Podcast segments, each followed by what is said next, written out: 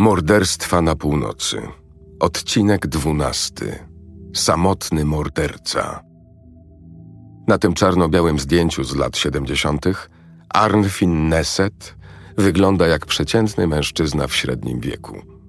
Na nosie ma charakterystyczne okulary, a jego włosy przy skroniach i czole są przerzedzone i ciemne. Nosi biały kitel z firmowym logo i świeżo wyprasowaną koszulę. Jego surowe spojrzenie jest skierowane prosto w obiektyw. Arnfin Neset jest po czterdziestce i promieniuje autorytetem. Zaledwie kilka lat po wykonaniu tej czarno-białej fotografii będzie ona znana w całej Norwegii. Sfotografowany mężczyzna będzie bowiem podejrzewany o zabicie nawet 60 pacjentów w ciągu trzech lat.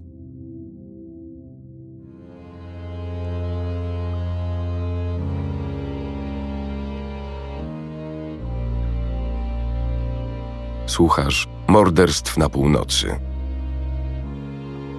Serii podcastów o najgłośniejszych morderstwach Skandynawii.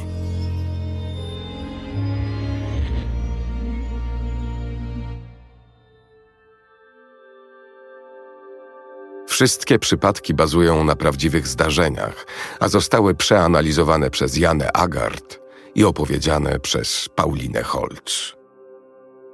Opisy wydarzeń powstały w oparciu o doniesienia medialne. Niektóre szczegóły pominięto. Powstrzymujemy się od oceniania zarówno zbrodni, jak i sprawcy. Wszystko zostało już osądzone przez wymiar sprawiedliwości.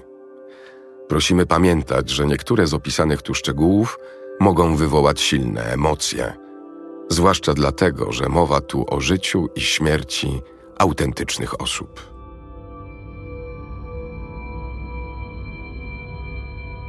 Arnfin przychodzi na świat w zimny, październikowy dzień 1936 roku. Jego matka rodzi go w domu w małym, zrujnowanym gospodarstwie rolnym w zalesionej dolinie środkowej Norwegii, niedaleko Trondheim. Wprawdzie dom rodzinny Arnfina Neseta został już dawno zburzony, ale jego nazwisko wciąż wisi w dolinach niczym budzące grozę echo.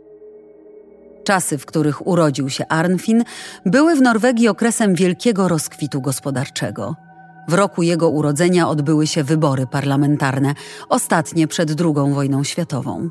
Przemysł się rozwijał, podobnie jak eksport za granicę.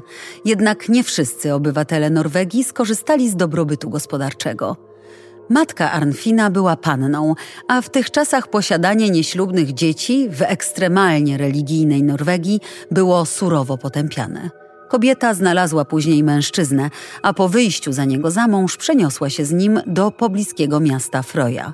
Swojego syna, Arnfina, będącego dla niej plamą na honorze, zostawiła z dziadkami na skromnej farmie na wyspie Fossenhol. Mały Arnfin był w szkole obiektem kpin i prześladowań. Jego szkolni koledzy nie dawali mu zapomnieć, że jest bękartem. Dzieciństwo Arnfina było naznaczone poczuciem winy i wstydem. Wprawdzie surowi, głęboko religijni dziadkowie kochali Arnfina, ale w ich domu dziecku brakowało ciepła i poczucia bliskości. Arnfin był samotnikiem, nie miał przyjaciół. Ten nieśmiały chłopak najczęściej przesiadywał w domu i znajdował ukojenie w szyciu, robieniu na drutach i pracach ręcznych. Arnfin czuł się samotny i żałował, że w ogóle się urodził. Chrześcijaństwo stało się dla niego natomiast stałym punktem odniesienia. Porównywał siebie do Jezusa, a nieobecna matka stała się w jego wyobraźni Matką Bożą. W świecie, w którym brakowało mu stabilności, upatrywał w religii jedynego oparcia.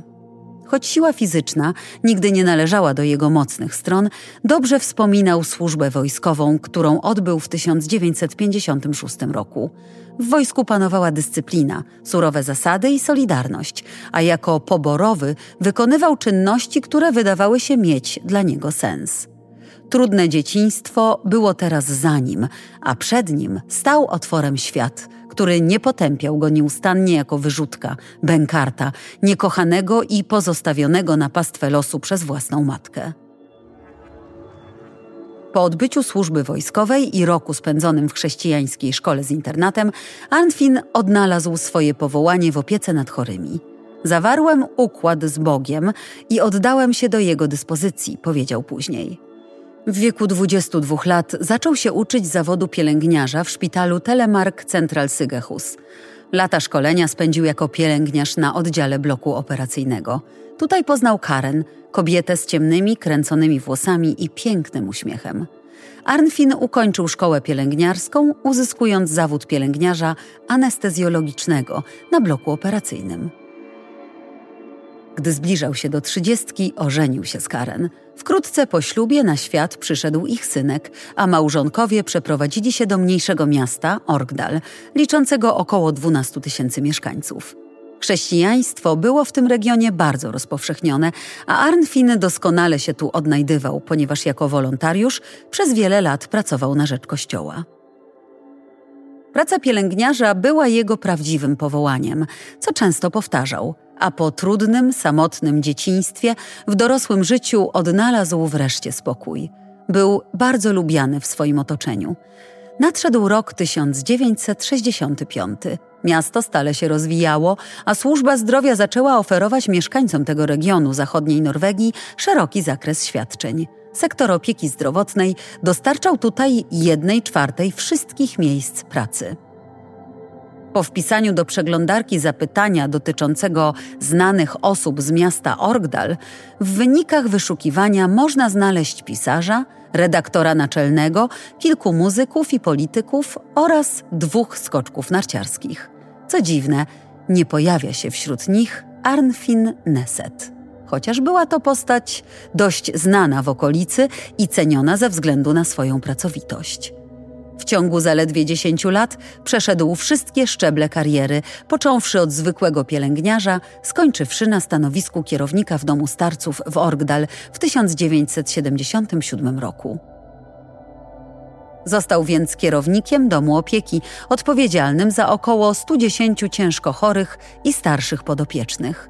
Dla mieszkańca Orgdal był to olbrzymi sukces i awans społeczny. Praca w administracji doskonale pasowała do natury Arnfina. Nadal jednak regularnie widywano go ze strzykawką i tacką na lekarstwa, odwiedzającego osoby starsze, z których wiele leżało na łożu śmierci. Personel go uwielbiał, częściowo za jego mroczne i czasami dość groteskowe poczucie humoru.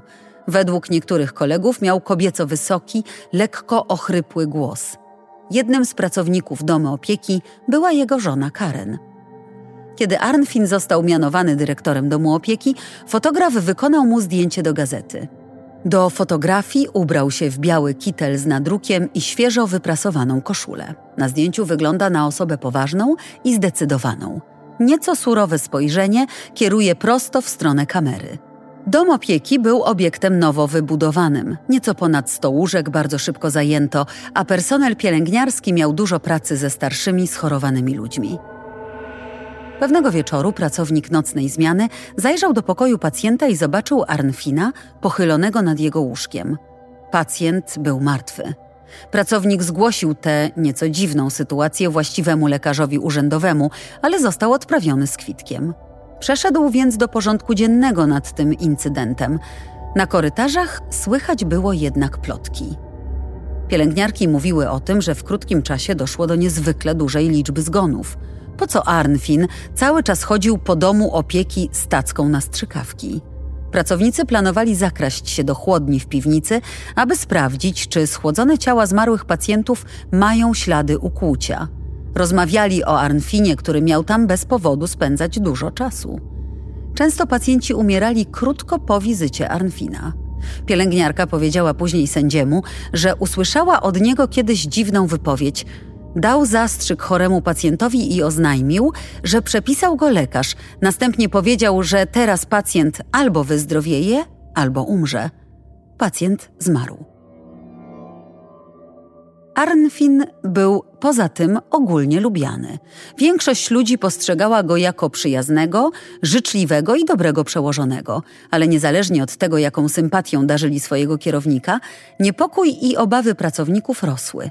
Zauważyli oni ślady nakłuć na przedramionach pacjentów, którym zgodnie z dokumentacją medyczną nie zlecono żadnych badań krwi ani zastrzyków. ale pacjenci ci byli też bardzo chorzy. Być może ich zgony wynikały z przyczyn naturalnych. Pielęgniarki mówiły, że zgłaszały swoje podejrzenia właściwemu lekarzowi, ale obawiały się, że może to wpędzić je w kłopoty. Bo co by było, gdyby ich podejrzenia okazały się bezpodstawne? Kilka lat później, gdy jedna z doświadczonych pielęgniarek przeglądała zamówienia na leki w aptece, przeszły ją ciarki. Zamówienie obejmowało lek kuracit. Wśród personelu medycznego znany również pod nazwą suksametonium. Pielęgniarka pracowała wcześniej w zaopatrzeniu dla szpitali, rozpoznała więc, że kuracit, w Polsce występujący pod nazwą handlową skolina, jest środkiem znieczulającym i nie powinien być wykorzystywany w żadnym innym miejscu oprócz sali operacyjnej. Suksametonium jest stosowane w bardzo małych dawkach w terapii elektrowstrząsowej, ponieważ powoduje zwiotczenie wszystkich mięśni jednocześnie oraz oczywiście podczas operacji. Jednym z działań niepożądanych może być porażenie płuc, co powoduje zatrzymanie oddychania. Podanie kuracitu prowadzi w ciągu kilku minut do uduszenia przy pełnej świadomości. Człowiek jest sparaliżowany, bezradny i nie może się poruszać. 25 listopada 1980 roku dyrekcja Domu Opieki została poinformowana o zamówieniu leku kuracit i o podejrzanych zgonach. Arnfin przyznał, że część trucizny kupił, najpierw by uśpić bezpańskiego psa, a potem by pozbyć się kuny. Udało mu się przekonać rozszerzone grono kierownictwa, że to sprawa nie warta uwagi, więc nikt dłużej nie rozwodził się nad tym incydentem. Arnfin zachował swoje stanowisko, a trucizny pozbył się legalnie, zwracając resztę do apteki. Później okazało się, że Arnfin otrzymał łącznie 244 śmiertelne dawki trucizny. Dwukrotnie poprzez zapytania kierowane do kolegów, a trzykrotnie poprzez sfałszowanie zamówienia na leki po jego zatwierdzeniu i podpisaniu przez lekarza odpowiedzialnego za zaopatrzenie domu opieki. Zanim jednak o sprawie poinformowano policję, aptekarz zdążył już zniszczyć truciznę, nie sprawdzając, ile jej zużyto. W lutym 1981 roku lekarz urzędowy zarządził wprowadzenie do domu opieki nowej zasady. Zastrzyki można było odtąd dawać pacjentom wyłącznie w obecności dwóch osób. Lekarz podejrzewał bowiem, że pacjenci otrzymywali dodatkową dawkę morfiny. Była to powszechnie znana metoda przeprowadzenia czynnej eutanazji umierających, którzy cierpieli na silne bóle. Osiem dni po wprowadzeniu tej zasady Arnfin poszedł na zwolnienie lekarskie – Odczuwał silny stres, udał się więc na leczenie do chrześcijańskiego centrum rekreacji Bjornang, aby odzyskać siły. To właśnie tutaj, w marcu, po raz pierwszy odwiedziła go policja. Jednak to nie lekarz urzędowy powiadomił organy ścigania. Tygodnik Nidaros w Trondheim otrzymał kilka informacji dotyczących defraudacji oraz zakupu trucizny – Dziennikarz zgłosił podejrzenie na policję i wtedy śledztwo ruszyło pełną parą. Trzeba było znaleźć odpowiedź na pytanie, po co kierownikowi domu opieki 3 litry kurasitu. Zostało ono zadane przez dziennikarza funkcjonariuszom policji. Po kuracji Arnfin nie wrócił do domu, lecz udał się prosto do zamkniętego szpitala psychiatrycznego w Ostmarka ze skołatanymi nerwami i pilną potrzebą wytłumaczenia własnego postępowania. Kierownik domu opieki dobrowolnie przeniósł się do szpitala, a po uznaniu jego wyjaśnień dotyczących trucizny za niewystarczające, policja umieściła go na oddziale zamkniętym. Kilka dni później, 9 marca 1981 roku, Arnfin trafił do aresztu. Przeciek z policji sprawił, że do tego małego norweskiego miasteczka zjechali się przedstawiciele prasy z całego kraju – aby sfilmować przesłuchanie, które odbywało się na drugim piętrze Urzędu Miejskiego w Orgdal, jeden z fotografów wynajął nawet dźwig. W niemal każdym artykule o tajemniczych zgonach w domu opieki w Orgdal publikowano czarno-białe zdjęcia Arnfina. A kiedy oskarżony zaczął mówić, liczba stawianych mu zarzutów wzrosła z jednego do 21 morderstw.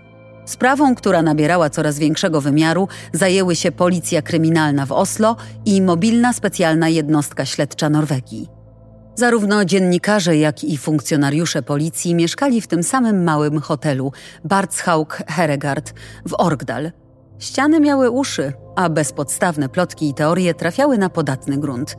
Zbadano blisko 60 zgonów, nie tylko z domu opieki Orgdal, ale także z dwóch byłych miejsc pracy Arnfina.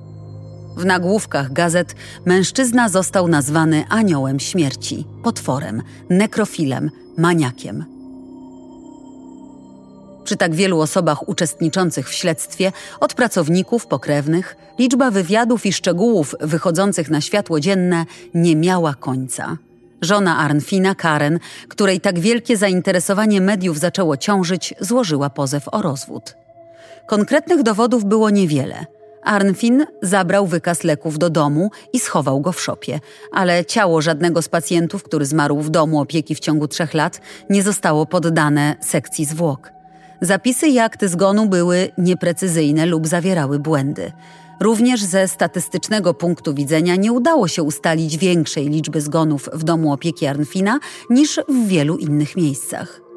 W rzeczywistości większość podopiecznych tej placówki była w tak ciężkim stanie, że mogła umrzeć w każdej chwili. Dyskutowano nawet o tym, czy ekshumacja zmarłych i sekcje zwłok w celu ustalenia przyczyny śmierci ma jakikolwiek sens – Część zabitych pacjentów została również skremowana i nikt nie miał też pewności, czy lek o nazwie kuracit można wykryć tak długo po śmierci. Dlatego też właściwe organy postanowiły pozwolić zmarłym spoczywać w spokoju. Natomiast personel domu opieki ustawił się w kolejce, by opowiedzieć o swoich podejrzeniach i obserwacjach poczynionych na przestrzeni lat. Również sam Arnfin rozmawiał z policją. W marcu był przesłuchiwany przez ponad 100 godzin, dwa razy dłużej w kwietniu i podobną ilość czasu w maju.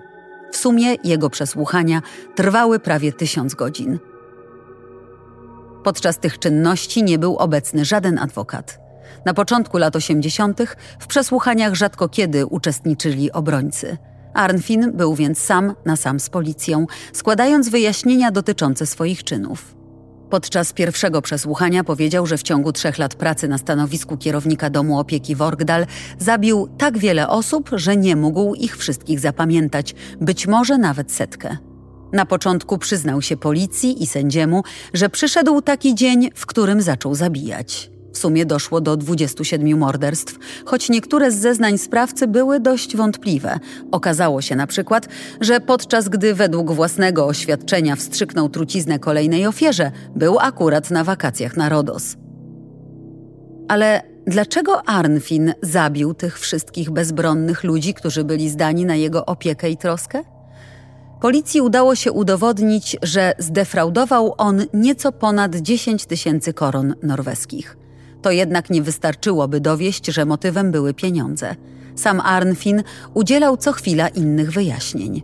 Śmierć może dawać wolność, powiedział któregoś dnia policji. Wyrażał współczucie dla osób starszych i niedołężnych. Poza tym wiedział, że w domu opieki potrzebne były wolne łóżka. Rodziny przyszłych pacjentów pytały o miejsca w placówce.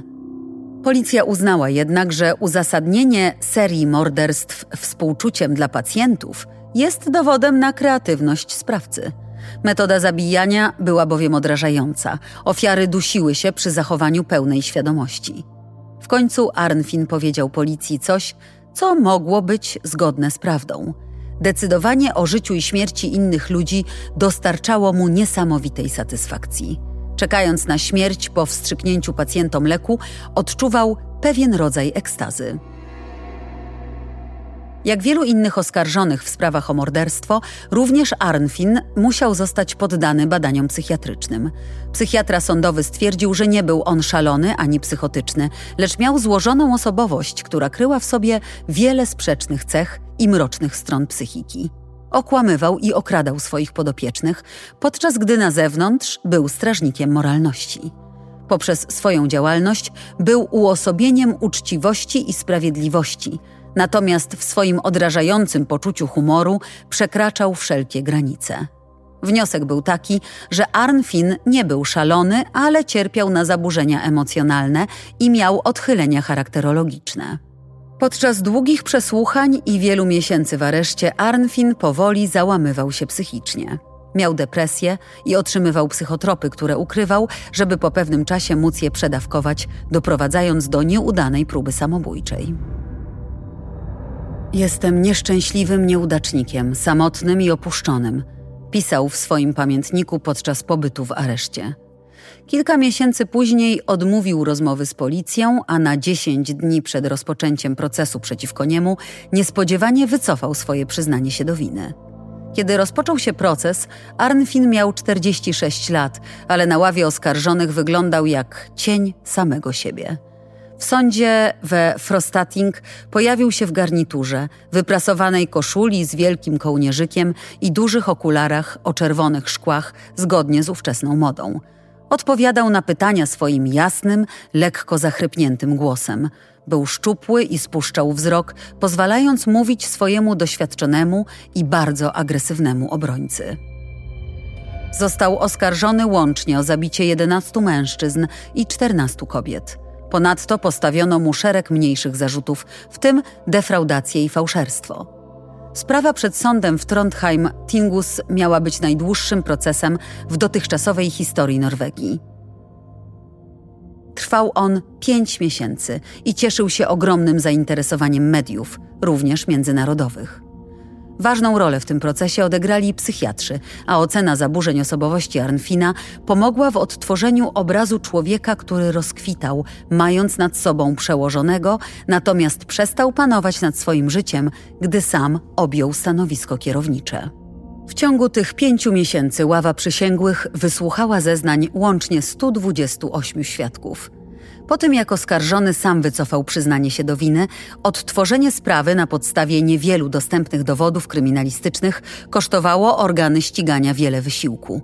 Obrońca argumentował, że bezprecedensowa ilość przesłuchań zmusiła wycieńczonego Arnfina do złożenia fałszywych zeznań. W swoim zaleceniu dla dziesięciu członków składu orzekającego sędzia przewodniczący podkreślił jednak, że Arnfin kilkakrotnie przyznawał się do czynów przed policją, sędzią, a także psychologami i psychiatrami sądowymi. Jeśli Arnfin był naprawdę niewinny, miał okazję, żeby powiedzieć to nieco wcześniej, powiedział sędzia. W dniu ogłoszenia wyroku przewodniczący składu orzekającego zapytany, czy Arnfin jest winny zabójstwa 22 osób i jednego usiłowania zabójstwa, odpowiedział krótko tak. Pierwotnie oskarżono go o pozbawienie życia 25 osób. Ponadto Arnfin został skazany za defraudację i oszustwo na szkodę pacjentów w wysokości około 13 tysięcy koron norweskich oraz za fałszowanie dokumentów związanych z zakupem lekarstw. Nie było dla nikogo zaskoczeniem, że otrzymał najsurowszy wyrok przewidziany w przepisach norweskiego prawa, a mianowicie 21 lat więzienia, a następnie 10 lat w szpitalu psychiatrycznym, jeśli zostanie to uznane za konieczne. Tego zimnego dnia, w lutym 1983 roku, zaledwie dwa lata po rozpoczęciu przez policję śledztwa, wszyscy trzej sędziowie jednogłośnie wydali werdykt.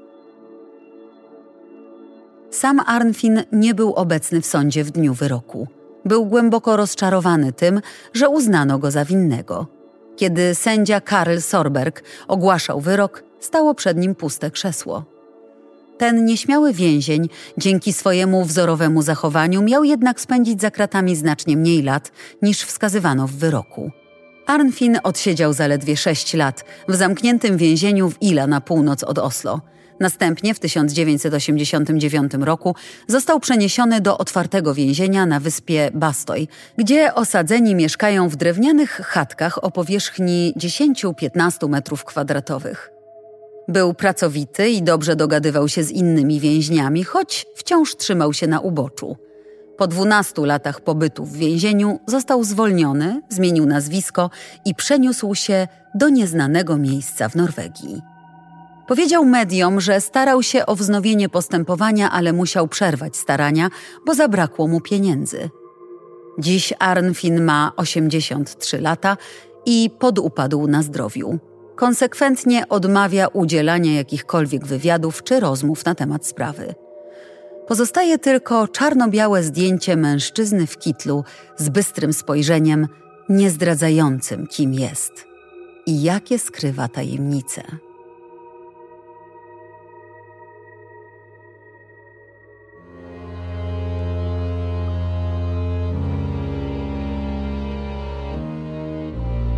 Wersja polska, tłumaczenie i realizacja nagrań Roboto Sound. Czytała Paulina Holz.